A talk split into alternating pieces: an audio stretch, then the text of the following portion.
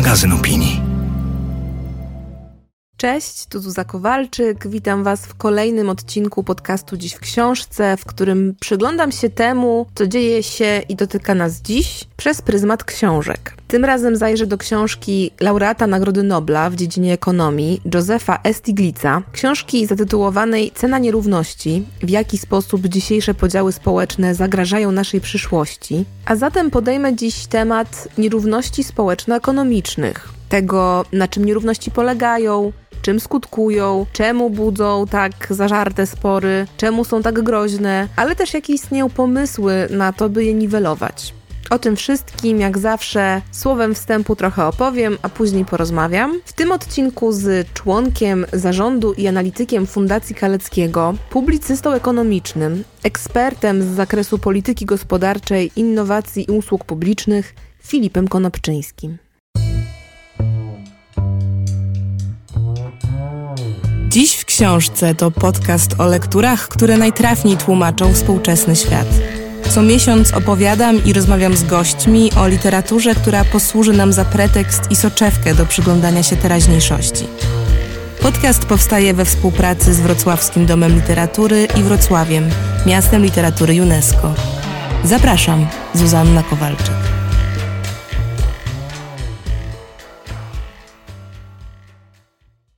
Temat rosnących nierówności społecznych od jakiegoś czasu funkcjonuje trochę jak taki diagnostyczny wytrych do opisu sytuacji gospodarczej niemal wszędzie na świecie. I szczerze powiedziawszy, ciężko się temu dziwić, bo dane mówią same za siebie. 1% najbogatszych ludzi na Ziemi posiada około 40% całkowitego majątku ludzkości. 10% najbogatszych ludzi posiada około 85% całkowitego bogactwa na naszej planecie a biedniejsza połowa ludzkości posiada mniej niż 1%.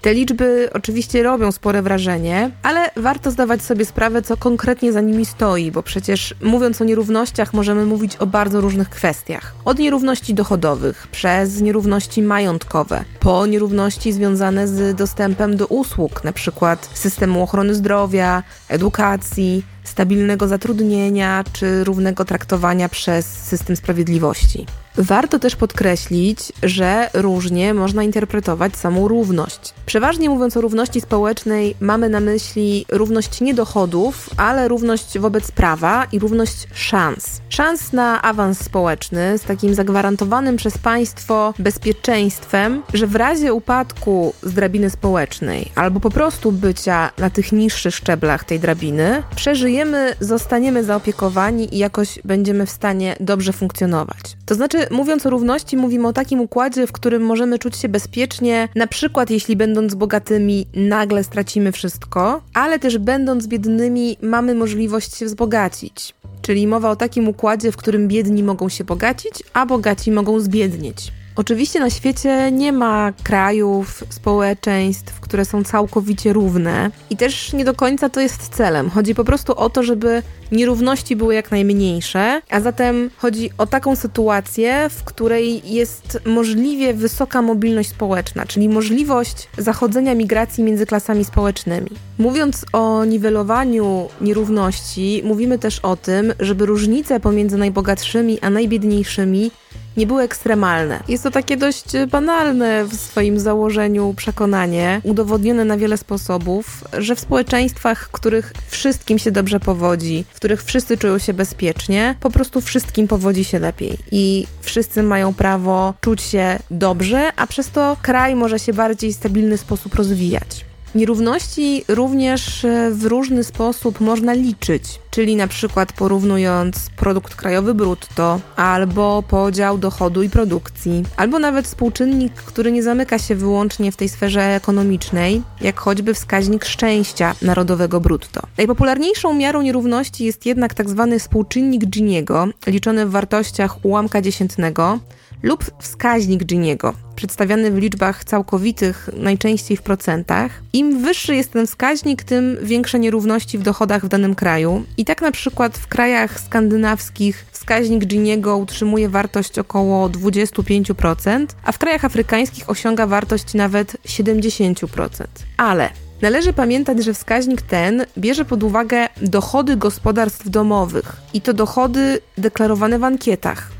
Co to oznacza w praktyce? No choćby to, że Polska plasuje się zgodnie ze wskaźnikiem Giniego na poziomie około 30-28%, czyli bardzo solidnie na tle krajów Unii Europejskiej, gdzie przed pandemią średnia wynosiła właśnie około 30%, ale już jak wynika z wyliczeń przeprowadzonych również zaraz przed pandemią przez badaczy Laboratorium Nierówności na Świecie, czyli ośrodka naukowego utworzonego m.in. przez Tomasa Piketty'ego, który bierze pod uwagę więcej bardziej zniuansowanych czynników i też pozyskuje dane inną drogą, Polska została uznana najbardziej nierównym krajem Unii Europejskiej i jednym z najbardziej nierównych krajów rozwiniętych na świecie ponieważ tylko 10% osób o najwyższych dochodach w naszym kraju dysponuje około 40% naszego dochodu narodowego. Zatem różne metody badawcze, różne definicje nierówności różne wnioski, ale warto też spojrzeć na skalę porównawczą, czyli na przykład takie dane jak te, że udział w dochodach najbogatszego 1% Polaków wzrósł po transformacji z 4% w 1989 roku do 14% w roku 2015.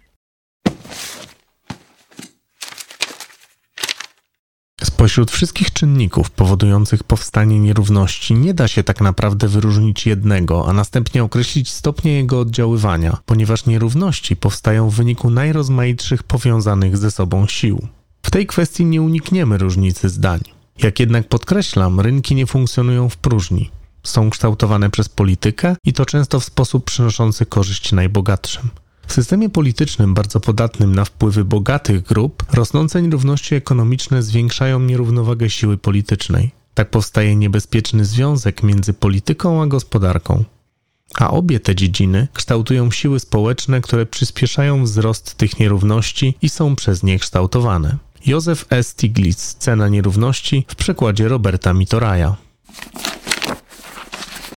Różne są też oczywiście poglądy na temat tego, na ile nierówności są nieuniknione, a na ile możliwe do ograniczenia, na ile są faktycznie groźne, a na ile ich skutki są wyolbrzymiane, albo na ile są w stanie wyregulować się same na wolnym rynku, a na ile powinny w te kwestie ingerować rządy państw, na przykład poprzez wzmacnianie polityki socjalnej, nakładanie wyższych podatków w celu dofinansowania usług publicznych, albo wprowadzanie bardziej zrównoważonego systemu płac i łatanie prawa pracy. Nie są to oczywiście dyskusje jakkolwiek nowe. Ekonomia i filozofia polityki zajmują się tematem podziału dóbr od wieków. I tak na przykład Marx uważał, że kumulacja kapitału w rękach prywatnych będzie zawsze prowadziła do coraz większej kumulacji bogactwa i władzy w rękach wąskiej grupy kosztem ubożejącej większości. Dlatego, aby nie powstały zagrażające stabilności społecznej nierówności, Marx był przekonany, że musi istnieć progresywny podatek dochodowy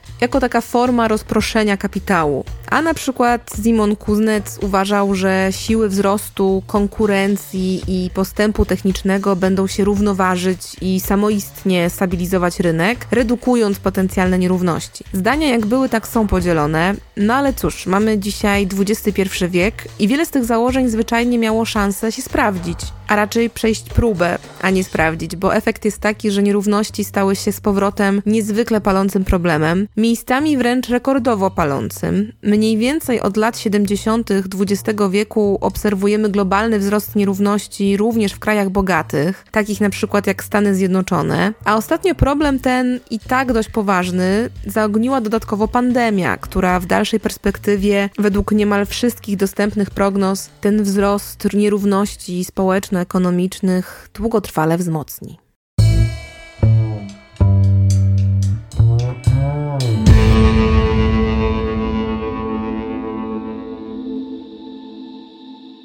Według raportu ONZ z 2020 roku sytuacja pandemiczna przede wszystkim uderza w osoby wykonujące prace niskopłatne, co oczywiście powoduje wzrost nierówności dochodowych. Z kolei masowe straty w zatrudnieniu i dochodach przyczyniają się do zwiększenia liczby osób żyjących w ekstremalnym ubóstwie, a pogłębienie ubóstwa i nierówności według raportu może trwale podważyć spójność społeczną i doprowadzić do niestabilnej sytuacji na świecie. Z kolei według szacunków Credit Suisse pandemiczny rok 2020 doprowadził do rekordowego wzrostu majątku największych światowych miliarderów. Obecnie 1% najbogatszych posiada majątek równoważny majątkowi połowy ludzkości. I jednocześnie, jak pokazuje raport Amnesty International z 2020 roku, pandemia obnaża ogromne systemowe nierówności na całym świecie, a wśród grup najbardziej nimi dotkniętych są grupy i tak już wykluczane, czyli mniejszości etniczne, uchodźcy, osoby starsze, kobiety.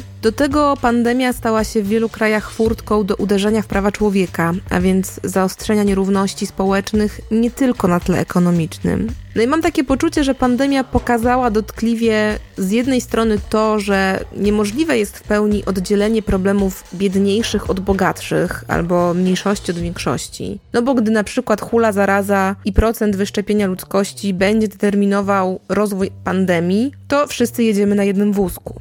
Wzrost nierówności ekonomicznych nie jest zatem, jak chcą to widzieć niektórzy, problemem wyłącznie moralnym, bo kwestia ta przekłada się również na tak zwany indeks problemów społecznych na przykład na wzrost wykluczenia mniejszości, ale też spadek zaufania do struktur państwa, wzrost przestępczości, wzrost liczby uników podatkowych, a przez to również wzrost ryzyka powstania kolejnych kryzysów gospodarczych. Wszystko jest ze sobą połączone, powiązane i nie sposób oddzielić się jakimś murem i całkowicie wyzbyć się konsekwencji tych problemów. Ale jednocześnie pandemia pokazała też, że jeśli nic z tym nie zrobimy, to wzrost nierówności będzie prowadził do jeszcze głębszego rozwarstwienia, jeszcze bardziej odczuwalnego przerzucenia kosztów kryzysów na tych, którzy i tak tych kosztów najmocniej doświadczają na co dzień i dla których takie koszty oznaczają nierzadko realne zagrożenie życia, podczas gdy bogaci będą dalej się bogacić. Czyli główny problem z nierównościami polega na tym, że jest to taki trochę samo napędzający się mechanizm. Wzrost gospodarczy mnoży przede wszystkim majątki bogatych, a zarobki biedniejszych rosną nieporównywalnie wolniej, albo jak na przykład od kilku dobrych lat w Stanach Zjednoczonych nie rosną wcale, przez co przepaść tylko się pogłębia, czyli bogaci się bogacą, a biedni biednieją. Głęboko podzielone społeczeństwa działają nieefektywnie, a ich gospodarki są niestabilne i niezdolne do utrzymania trwałego wzrostu. Kiedy jedna grupa nacisku ma zbyt dużą władzę, kształtuje politykę według własnych potrzeb, wbrew interesowi całego społeczeństwa. Jednak bogaci nie żyją w próżni. Potrzebują wokół siebie sprawnie działającego społeczeństwa, dzięki któremu będą mogli utrzymać swą pozycję i osiągać dochód ze swych aktywów. Sprzeciwiają się oni podatkom, ale podatki pozwalają państwu dokonywać inwestycji, przez co jego wzrost gospodarczy jest trwały. Józef E. Stiglitz, Cena nierówności w przekładzie Roberta Mitoraja.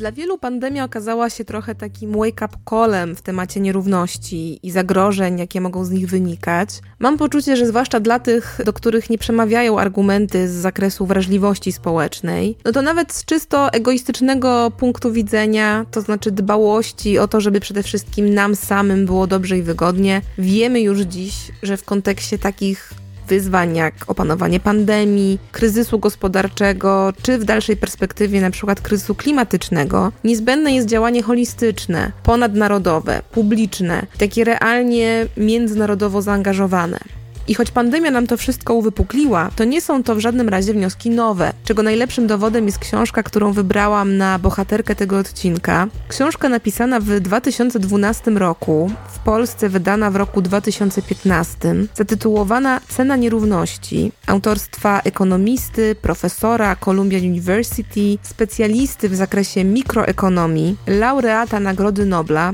Josefa E. Stiglitza. Stiglitz zyskał sławę nie tylko Noblem, którego dostał w 2001 roku za, cytuję, wkład w analizę rynków działających w warunkach asymetryczności informacji, ale też dzięki swojemu krytycznemu spojrzeniu na zarządzanie globalizacją, wolnym rynkiem, ale też niektórymi instytucjami międzynarodowymi, jak choćby Bankiem Światowym, zwłaszcza, że sam był głównym ekonomistą Banku Światowego w latach 1997-2000. Do najbardziej znanych książek Stiglitza należy Globalizacja, Free Fall, Jazda bez trzymanki, Euro, w jaki sposób wspólna waluta zagraża przyszłości Europy i wreszcie cena nierówności. To, w jaki sposób Stiglitz mówi o nierównościach, jest bardzo bliskie właśnie takiemu możliwie szerokiemu spojrzeniu czyli nie ograniczaniu nierówności do względów czysto ekonomicznych, ale rozpatrywaniu ich w szerszej siatce zależności,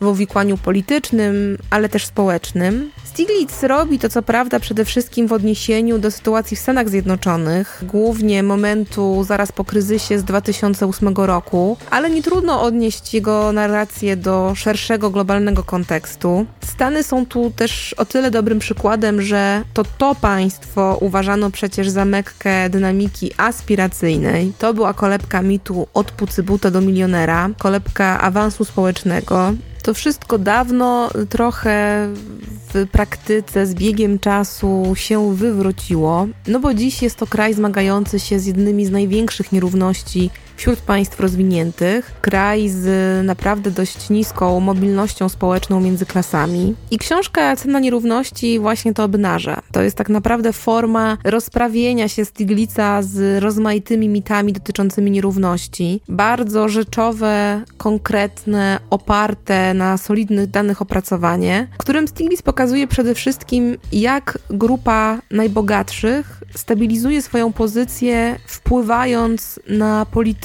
przychylną wyłącznie ich pozycji, unicestwiając w ten sposób organizm społeczny jako całość, no bo działają głównie na rzecz utrzymania na przykład niskich podatków od zysków kapitałowych, umacniając w ten sposób nierówności, uniemożliwiając awans społeczny biedniejszym, destabilizując rynek pracy i utrzymując swoją pozycję która ma być wyższa w hierarchii i przede wszystkim niezachwiana.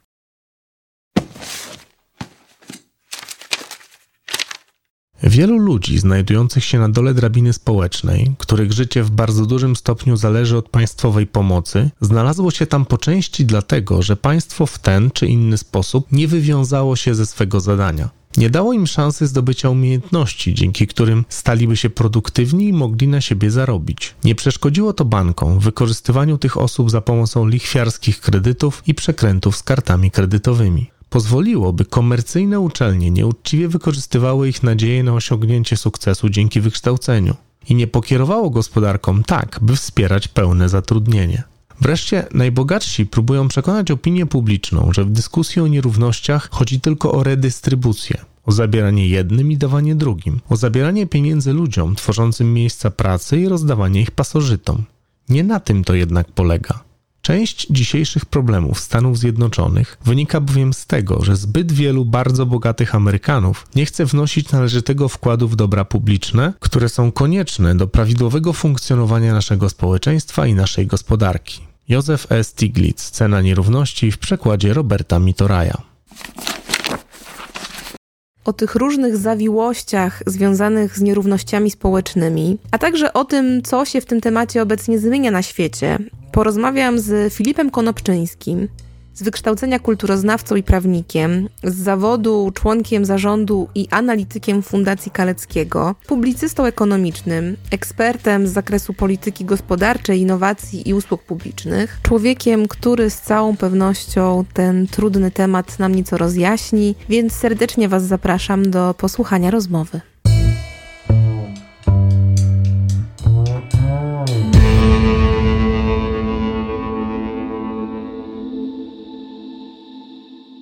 Filip, zacznijmy może od takiej absolutnej podstawy, a zatem wyjaśnienia, dlaczego nierówności społeczno-ekonomiczne są szkodliwe, groźne i ogólnie dla wszystkich niekorzystne. Poza oczywiście takimi argumentami czysto etycznymi, no bo wiadomo, z wrażliwością społeczną i poczuciem sprawiedliwości społecznej różnie bywa więc spróbujmy oprzeć się na konkretach, no bo dobrze znamy te wszystkie argumenty, że nierówności to wyolbrzymiony problem, że nierówności wynikają z indywidualnych predyspozycji lub motywacji ludzi i są jakimś naturalnym, hierarchicznym porządkiem społecznym, że wprowadzając bardziej rozbudowaną politykę socjalną ograniczymy przedsiębiorczość i w efekcie wszyscy na tym stracimy albo że z nierównościami nie da się nic sensownego zrobić, no bo każda próba osiągnięcia równości w historii prowadziła zawsze do jakiejś formy reżimu totalitarnego, no więc, że równość ogranicza wolność. Takie jest rozumowanie. No to po kolei.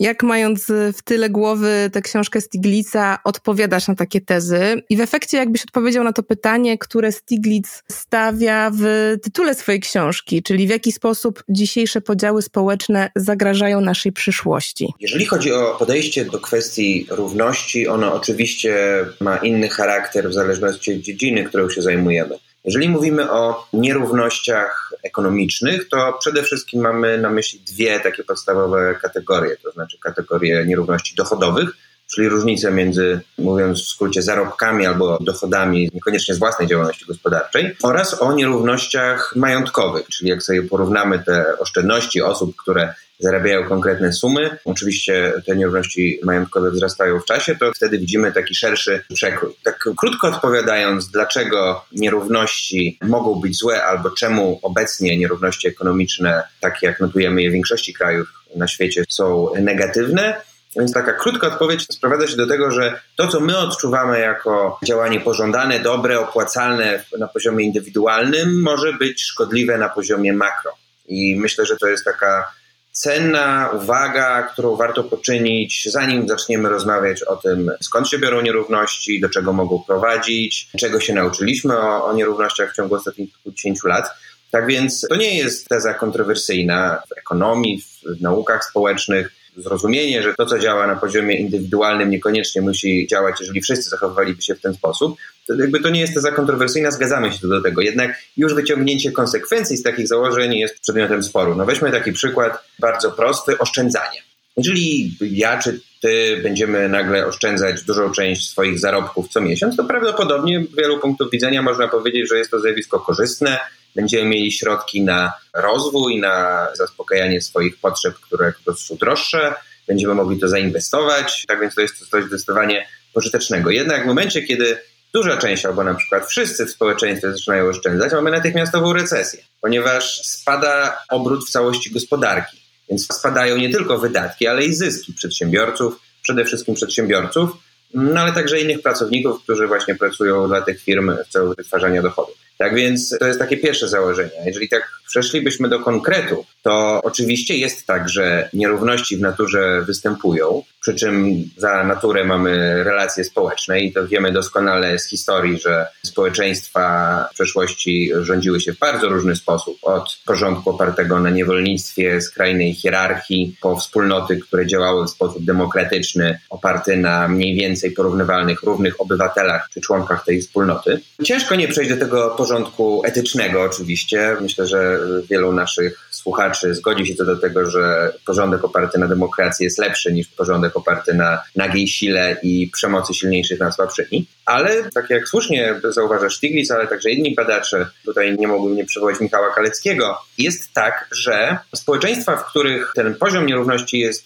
niższy, one na ogół szybciej się rozwijają. To jest może nieoczywiste, przez dużą część XX wieku obowiązywało w mainstreamowej ekonomii tak zwane prawo czy krzywa Kuznieca, która to jakby wskazywała, że wzrost gospodarczy odbywa się w takich dwóch momentach. Na tym początkowym, kiedy następuje absorpcja innowacji czy kapitału, te nierówności muszą rosnąć, tak? No bo wiadomo, jedni korzystają z tego kapitału lepiej, szybciej się adaptują, mają większe zasoby wiedzy czy kontaktów, ale z czasem ten poziom nierówności spada, ponieważ ci, którzy są nieco z tyłu, nadrabiają. Niestety kilkadziesiąt lat po tym, jak to prawo zostało przyjęte jako obowiązujące, okazało się, że bardzo często tak nie jest. To znaczy, rozmawiamy w maju 2021 roku, kilka tygodni po tym, jak prezydent elekt w Stanach Zjednoczonych, czy już, w zasadzie od niedawna zupełnie zwyczajny prezydent Joe Biden wprost ogłosił, że skończył się czas tak zwanej ekonomii skapywania. Trickle down economics nie działa. To padło, to wybrzmiało i jest to, jest to oczywiście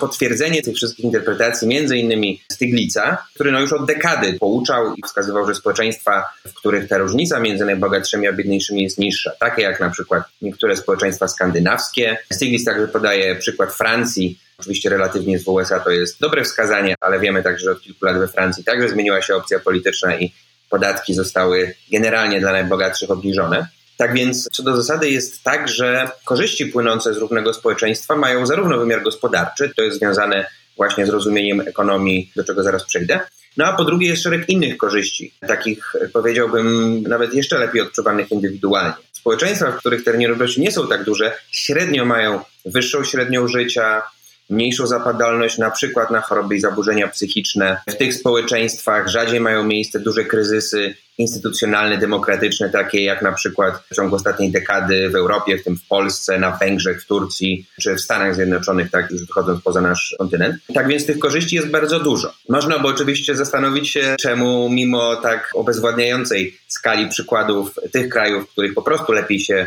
żyje, gdzie ten współczynnik szczęśliwego życia czy współczynnik szczęśliwości w społeczeństwie jest wyższy. No i tutaj dochodzimy do tego trudnego obszaru rozmowy o nierównościach, to znaczy oczywiście jest jest tak, no, przynajmniej możemy domniemywać ze zgromadzonej literatury i z przykładów, że społeczeństwa, w których ten poziom życia jest wysoki, ale on jest względnie wyrównany, są lepsze, to jednak nie dla wszystkich.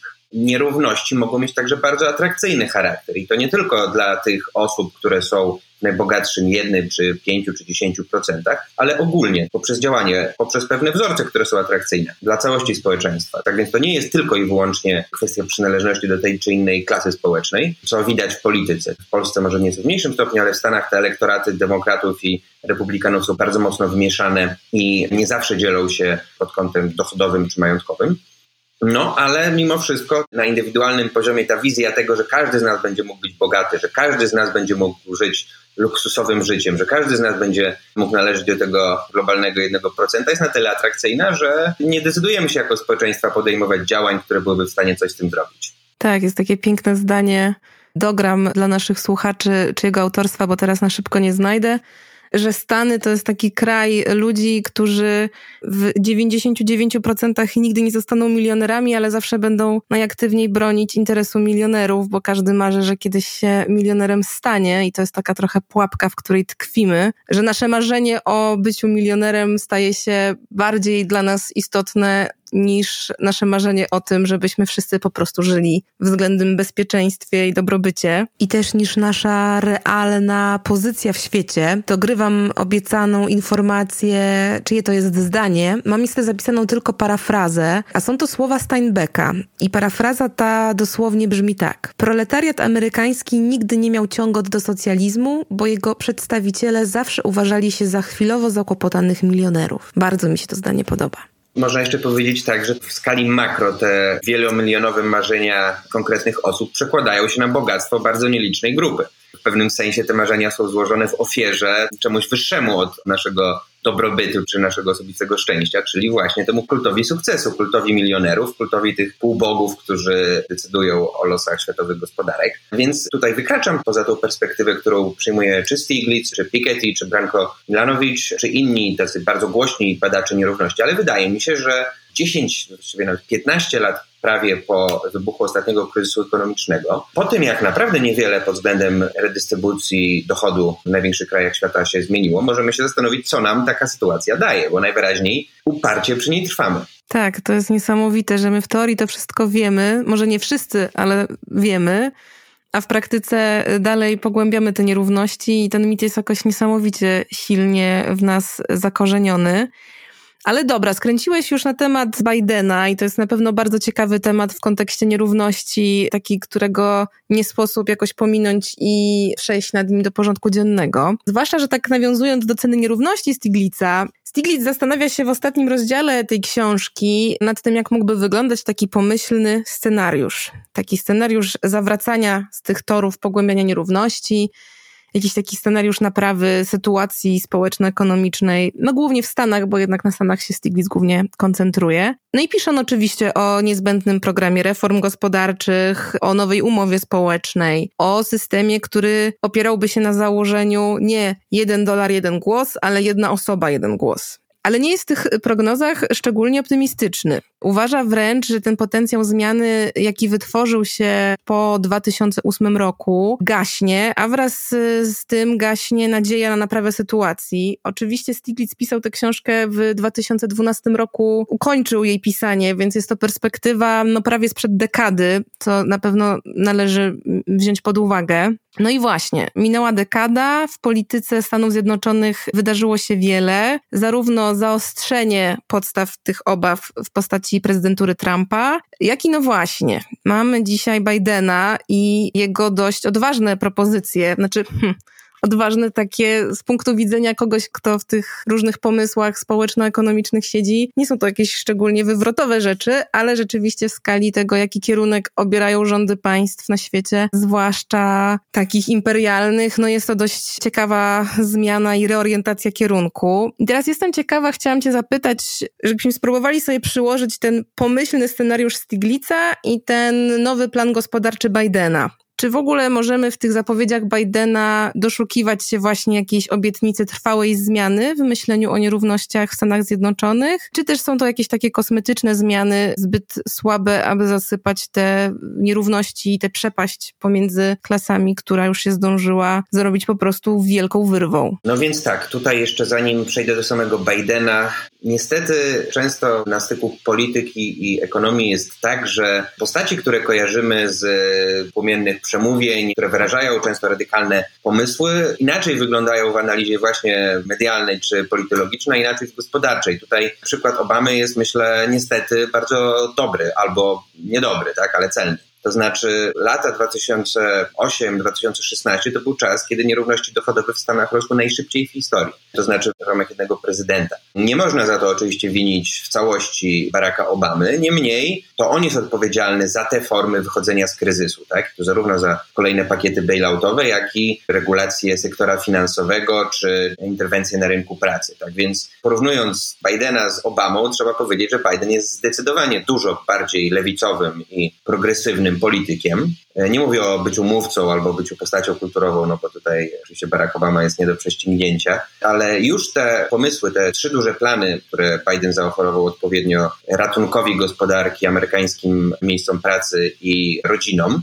one są w bardzo dużej skali, jeżeli chodzi o środki finansowe, których będą wymagały. Więc tutaj na pewno widać, że na poziomie nie tylko politycznym, ale także konkretnych decyzji wśród decydentów w amerykańskiej gospodarce jest zrozumienie, że szczególnie w obliczu koronakryzysu nie da się wrócić do gospodarki sprzed lutego zeszłego roku. Są potrzebne działania redystrybucyjne. W przypadku Bidena są to zarówno ulgi podatkowe dla osób mniej zamożnych, wsparcie dla rodzin, uwolnienie części studentów od konieczności płacenia za studia, większe wsparcie dla sektora medycznego, obniżenie kosztów lekarstw, więc tutaj jest wiele takich elementów, które no, będą pozytywnie odczuwalne w kieszeniach Amerykanów. I teraz wiesz, pojawia się to pytanie, które zawsze w tym miejscu pada. Kto za to wszystko zapłaci? No właśnie tutaj jest ten element, który nie jest szczególnie progresywny, to znaczy Joe Biden, a w zasadzie Janet Yellen, czyli jego ministra skarbu, była szefowa Fedu, bardzo uznana ekonomistka, zarówno jako badaczka, jak i praktyczka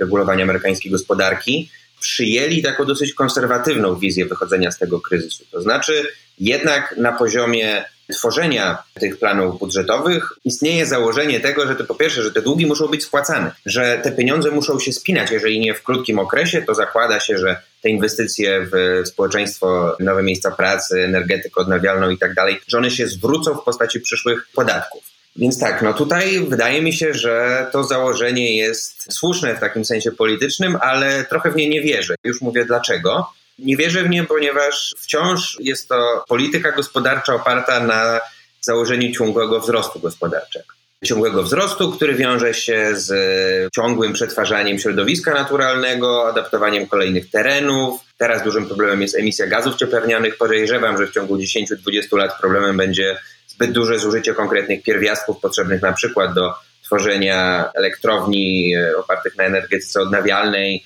tworzenie baterii, tak więc tutaj założenie, że jako ludzkość cały czas będziemy mogli konsumować więcej i więcej, o kilka procent rocznie, no wydaje mi się, że jest dalece nieuzasadnione.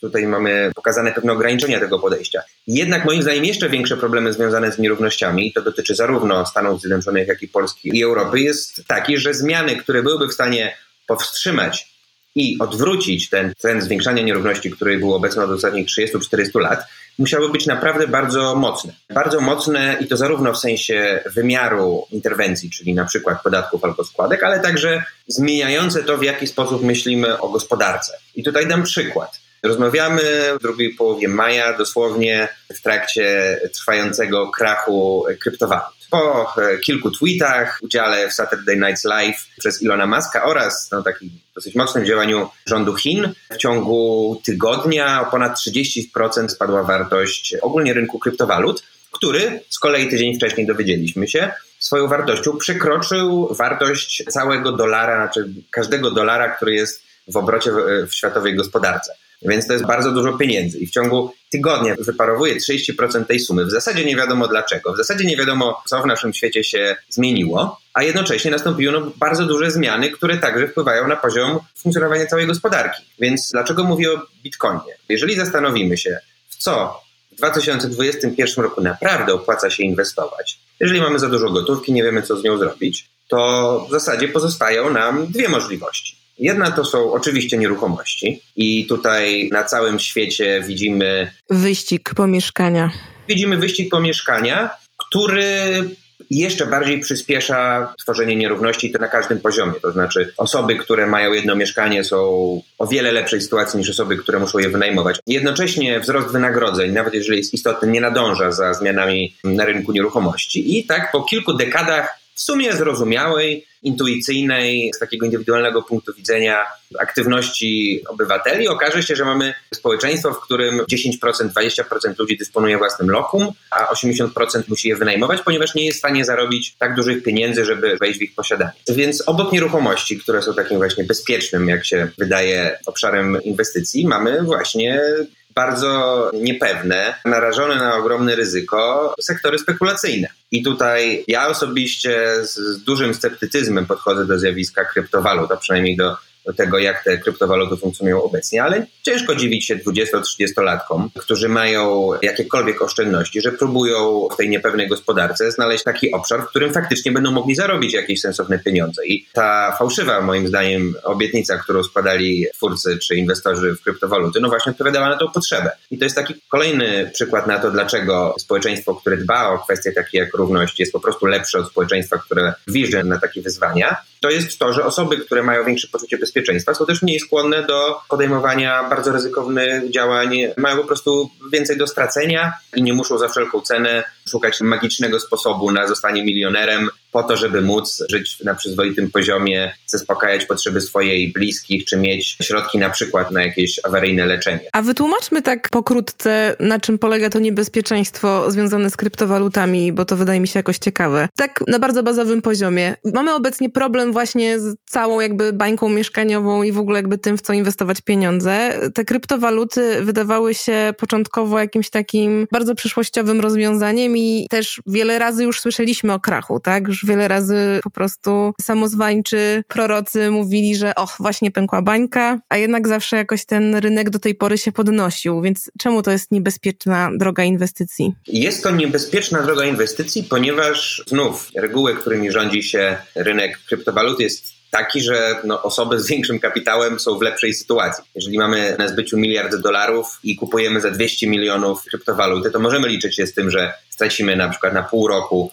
80% wartości po to, aby wykupić tą walutę, kiedy ona będzie znacznie tańsza, a potem na tym zyskać. Jeżeli kupujemy tych bitcoinów kilka, lokujemy tam oszczędności naszego życia i nagle następuje spadek o 30, 40, 50, a może i więcej procent, to nie mamy jak się odkuć. Te pieniądze po prostu mogą być zmarnowane, a już widzimy, że na rynku obrotu kryptowalutami są bardzo aktywne fundusze inwestycyjne, indywidualni inwestorzy, ale tacy, że tak powiem, którzy inwestują dziesiątki albo setki milionów dolarów. Tak więc tutaj już ta wiara w to, że to jest ziemia obiecana dla młodych ludzi, którzy są obyci w internetach, to się po prostu wyczerpało. Niemniej ten przykład kryptowaluty jest, jest moim zdaniem fajny, bo on też pokazuje, jak działa prawdziwie wolny rynek. To znaczy rynek, w którym zasady są ustalane przez twórców technologii, którzy dostarczyli algorytm stojący na przykład za Bitcoinem czy Ethereum czy Dogecoinem i jednocześnie widzimy, że praktycznie nigdzie albo prawie nigdzie na świecie, z wyjątkiem Chin, państwa i instytucje regulujące całe gospodarki nie prowadzą dużego poziomu interwencji. W sytuacji, kiedy giełda się załamuje, wkraczają pewne mechanizmy, które na przykład zamykają możliwość sprzedaży czy kupowania akcji danego dnia przynajmniej na kilkanaście godzin. Tak więc ten mechanizm jest wtedy spowolniony. Tutaj tak nie jest. Myślę, że to jest bardzo ciekawe doświadczenie, że tak powiem, pokoleniowe. Jeżeli okaże się, że faktycznie kryptowaluty jednak nie są przyszłością, albo nie są przyszłością w takiej formie, w jakiej je znamy, to upadnie kolejna wiara przede wszystkim młodych ludzi, przede wszystkim pokolenia milenialsów i Gen Z w to, że sytuacja ekonomiczna może się poprawić. Tutaj jest bardzo duży problem, to znaczy to jest coś, o czym pisze Stiglitz w kontekście pokolenia kryzysu 2008 roku, czyli raczej mnie, Jednak no, osoby, które wkraczają na rynek pracy teraz podczas korona kryzysu, rynek, który także jest okrutny. W bardzo wielu krajach ta pomoc firmom czy pracownikom była albo niewielka, albo nierówna, to znaczy łatwo było jej nie dostać. Znowu widzimy, jak wygląda gospodarka i rynek pracy, w którym dominują nierówności. Osoba wkraczająca na rynek pracy po prostu musi przyjąć każdą ofertę. Szanse na podwyżki są uzależnione od dobrej woli szefa, nie ma wielu alternatyw właśnie związanych z tym, że nie opłaca się także reinwestować tych pieniędzy w gospodarkę, no bo jeżeli dochody są nisko popodatkowane, to w zasadzie czemu przedsiębiorca miałby te pieniądze reinwestować w zwiększenie działalności, skoro bardziej opłaca mu się osiągać wysokie zyski i wypłacać je sobie czy bliskim w formie wynagrodzeń. No tak, tylko właśnie z jednej strony jest trochę tak, że bardzo dużo nadziei było lokowanych w tym roku 2008, że właśnie od tego kryzysu zacznie się jakaś zmiana że to jest dowód na to, jak działają banki, że już jakby po prostu rozumiemy ten system i nie popełnimy tego samego błędu. No okazało się, że jest inaczej. I teraz zastanawiam się, na ile innym kontekstem może być pandemia. Bo jednak w historii świata zazwyczaj było tak, że to właśnie wojny, rewolucje i klęski żywiołowe, takie jak pandemie, okazywały się tymi czynnikami najsilniej wywracającymi porządek społeczny. Nie tylko dlatego, że wymagały zbudowania nowego ładu i jakby wyjścia z kryzysu, no ale też z takich prozaicznych przyczyn, jak te, że po prostu zabierały życie wielu ludziom, więc brakowało pracowników na rynku, ale też, no właśnie, rozpadały się instytucje, które stabilizowały pewien porządek, było mniejsze bezpieczeństwo w kumulacji kapitału i tak dalej, i tak dalej. No i dzisiaj wiemy, że z rozmaitych prognoz, że w skali takiej globalnej pandemia póki co wpływa raczej na zaostrzanie nierówności społecznych i że raczej będzie je zaostrzać dalej. No i takie może naiwne pytanie, ale chciałam się zapytać, czy dostrzegasz jednak jakąś szansę, że ta pandemia odwróci wektor, że się okaże takim kubłem zimnej wody i punktem zwrotnym w myśleniu o nierównościach tak ponadnarodowo w skali całego świata? No więc tak, nie wszędzie pandemia spowodowała radykalny wzrost nierówności. Tutaj przykład chiński znów warto przytoczyć. Chiny w 2020 roku ogłosiły sukces w postaci końca skrajnego ubóstwa, co jest no, wielkim, wielkim osiągnięciem, którym jak widać perturbacje gospodarcze i pandemia po prostu nie przeszkodziły. Tak więc to tutaj cały czas warto pamiętać, że to, czy mamy do czynienia ze zjawiskami takimi jak skrajna bieda, skrajne nierówności, wykluczenie konkretnych grup, to są nasze zbiorowe wybory. To nie są prawa społeczne, to nie są żelazne prawa ekonomii. Nie wszędzie to się wydarzyło. Widać też duże różnice na przykład na statystykach bezrobocia między krajami europejskimi a Stanami Zjednoczonymi, gdzie w Stanach Zjednoczonych w szczytowym momencie było chyba ponad 50 milionów osób bez pracy i to przy założeniu bardzo e, wąskiego rozumienia kategorii osób bezrobotnych. W tym samym czasie w Europie, właśnie ze względu na to, że państwa mają wyższy poziom ochrony miejsc pracy, czy to kodeks pracy, czy, czy instytucje, które to nadzorują, po prostu nie pozwalają na traktowanie, czy dobre z punktu widzenia firmy potraktowanie pracowników, ten poziom bezrobocia był znacznie niższy. Więc tak, tutaj myślę, że nie ma jednego scenariusza dla całego świata. Szukając pewnych pozytywów, na pewno zmiana w Stanach Zjednoczonych i do pewnego stopnia także w Unii Europejskiej wskazuje, że elity, jako elity rozumiem kluczowe ośrodki decydujące o polityce partii. W Unii Europejskiej jest to przede wszystkim, są to przede wszystkim chadecy, do pewnego stopnia także socjaldemokraci. W Stanach Zjednoczonych oczywiście są to republikanie i demokraci. Jest dużo większe przyzwolenie na działania o charakterze interwencyjnym. Nikt współcześnie to znaczy w 2021 roku nie mówi o koniecznych cięciach i oszczędnościach. W 2009, 2010, 2011 roku to właśnie się działo. I ci wszyscy, którzy utracili wtedy pracę, ci wszyscy, którzy notowali pogorszenie swoich warunków materialnych, w niektórych krajach wiązało się to na przykład z ograniczeniem emerytur o 30-40%, jak w Grecji, dziś mogą no, z dużym rozgoryczeniem pomyśleć, że te całe smutne, tragiczne często doświadczenie było niepotrzebne. Było zbędne, niepotrzebne i co więcej, dalej w jeszcze większym stopniu szkodziło gospodarce. Więc widzę pewną różnicę w tym, jak podchodzimy do tego kryzysu. Niemniej jestem sceptykiem, żeby nie powiedzieć pesymistą, jeżeli chodzi o odwrócenie trendu zwiększania nierówności. To znaczy, wydaje mi się, że w związku ze zmianą technologiczną w obszarze cyfryzacji, pewne mechanizmy, które przyjęliśmy w ciągu ostatniej dekady jako coś oczywistego, czyli na przykład to, że wszyscy korzystamy z jednej przeglądarki, wszyscy korzystamy z jednego serwisu społecznościowego, że jeżeli chodzi o firmy logistyczne, to zostanie ich zaraz kilka. W związku z tym, że zgodziliśmy się na te korzyści płynące z monopolizacji gospodarki cyfrowej, nie będzie łatwo odwrócić trendu pogłębiających się nierówności, szczególnie właśnie związanych z, z cyfryzacją. I tutaj, jeżeli chcemy zobaczyć, jak już niedługo będzie wyglądała nasza praca, to polecam pilnie śledzić to, co dzieje się w społeczności informatyków polscy informatycy, którzy oczywiście najbardziej znani są z tego, że zarabiają gigantyczne jak na polskie warunki pieniądze, mają także kilka innych ciekawych elementów swojej pracy. To znaczy, z jednej strony faktycznie w coraz większym stopniu polscy programiści, deweloperzy pracują dla rynku światowego, to znaczy są w małym stopniu uzależnieni od lokalnego rynku pracy coraz częściej przy niewielkiej barierze językowej, przy złamaniu tej bariery językowej mogą zarabiać dużo większe pieniądze i przede wszystkim mieć dużo więcej opcji wyboru świadczenia pracy zdalnie i tutaj, i tutaj, i tutaj to jest naprawdę bardzo szybko rosnący trend. W ogóle usługi informatyczne rosną, jeżeli chodzi o udział polskiego eksportu. No, a z drugiej strony ci sami informatycy często i chętnie korzystają z pracowników z krajów, które kiedyś nazywaliśmy krajami trzeciego świata, dzisiaj nazywamy krajami rozwijającymi się. Outsourcują de facto swoją pracę, płacąc niewielką część swoich zarobków komuś, kto pracuje w, na przykład w Azji Południowo-Wschodniej. I wydaje mi się, że w ciągu najbliższej dekady coraz większym stopniu będą po prostu musieli z tymi osobami rywalizować. To znaczy informatycy z Filipin, z Bangladeszu, z Myanmaru, będą coraz bardziej sprawni, ich ceny będą lepsze i okaże się, że nawet tutaj ten rynek pracy wskazywany jako taki najbardziej atrakcyjny, najbardziej będący rynkiem pracownika, będzie rynkiem globalnym gdzie reguły będą dyktować zamawiający, czyli pracodawcy, którzy będą determinować to, że na przykład pracujemy tylko i wyłącznie na godziny, tylko w oznaczonych godzinach. Nie kontaktujemy się ze sobą, nie mamy specjalnych relacji, no i cały czas musimy licytować jak najniższą stawkę, aby nie ubiegli nas konkurenci. Tak więc niestety wydaje mi się, że wraz z postępującą informatyzacją jednak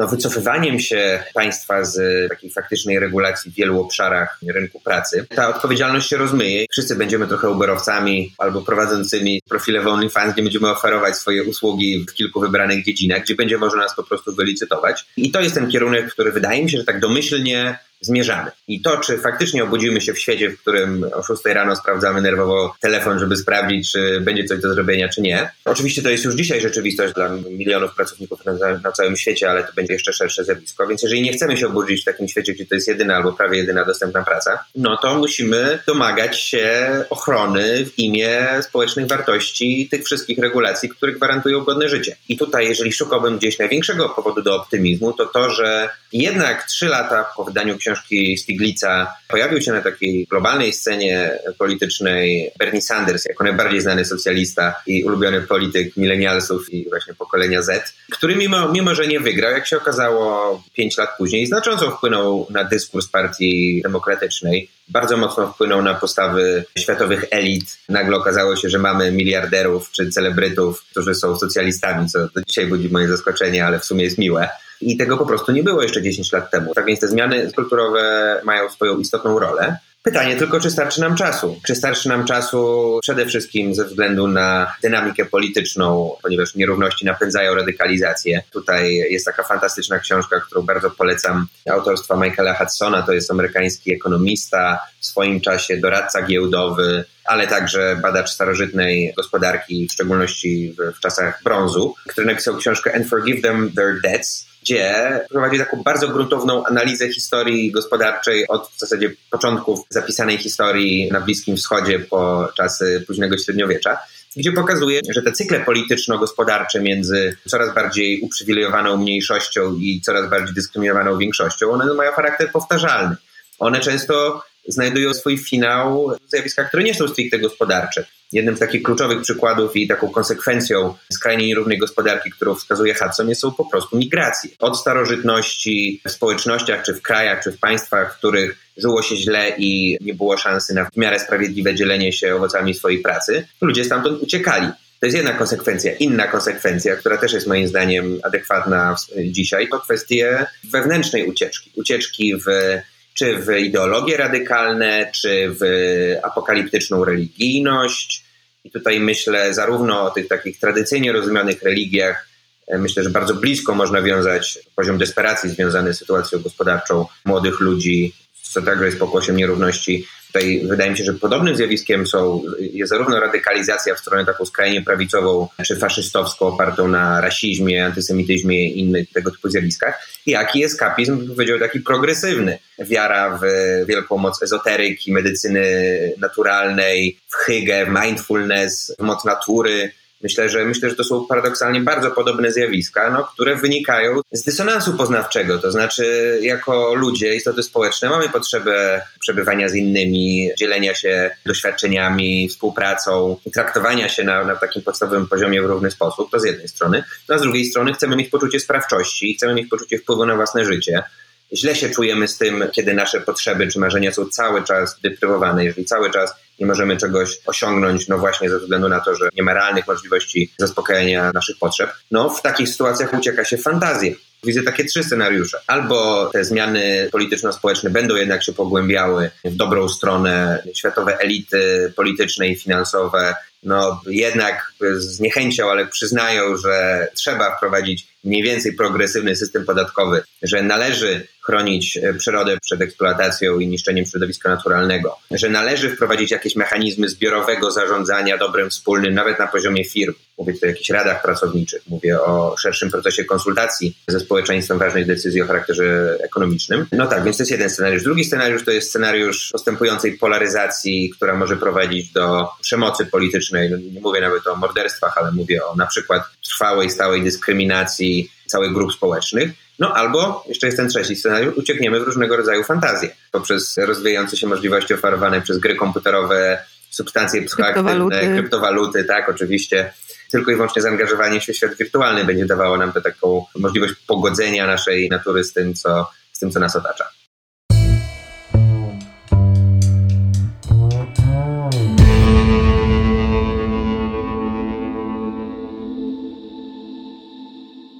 Na koniec wszystkich gości w tym podcaście pytam o to samo, to znaczy jaką inną książkę w tym temacie, który dzisiaj poruszyliśmy, poleciłbyś naszym słuchaczom i dlaczego właśnie te? O jednej książce już wspomniałeś, ale wiem, że jeszcze jedną chciałbyś tutaj wrzucić nam jako pragnienie na półkę.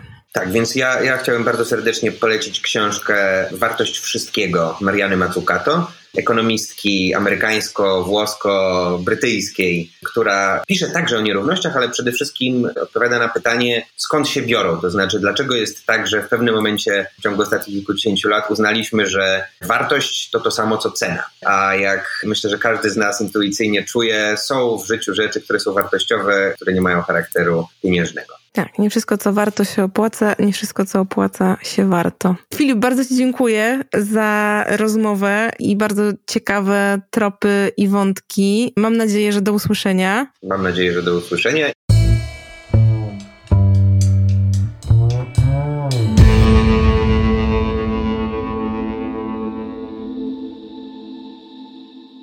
Mam nadzieję, że rozmowy z Filipem słuchało Wam się tak ciekawie, jak mi słuchało się Filipa w trakcie przeprowadzenia tej rozmowy. Dziękuję Wam, którzy dosłuchaliście tego odcinka do końca. Dziękuję Filipowi Konopczyńskiemu. A wcześniejsze i kolejne odcinki dziś w książce znajdziecie oczywiście na kanale podcastowym Pismo do Słuchania, na platformach Spotify, Apple Podcast, Google Podcast i SoundCloud oraz na kanale Radio Proza i YouTubie Wrocławskiego Domu Literatury. Dzięki i do usłyszenia za miesiąc.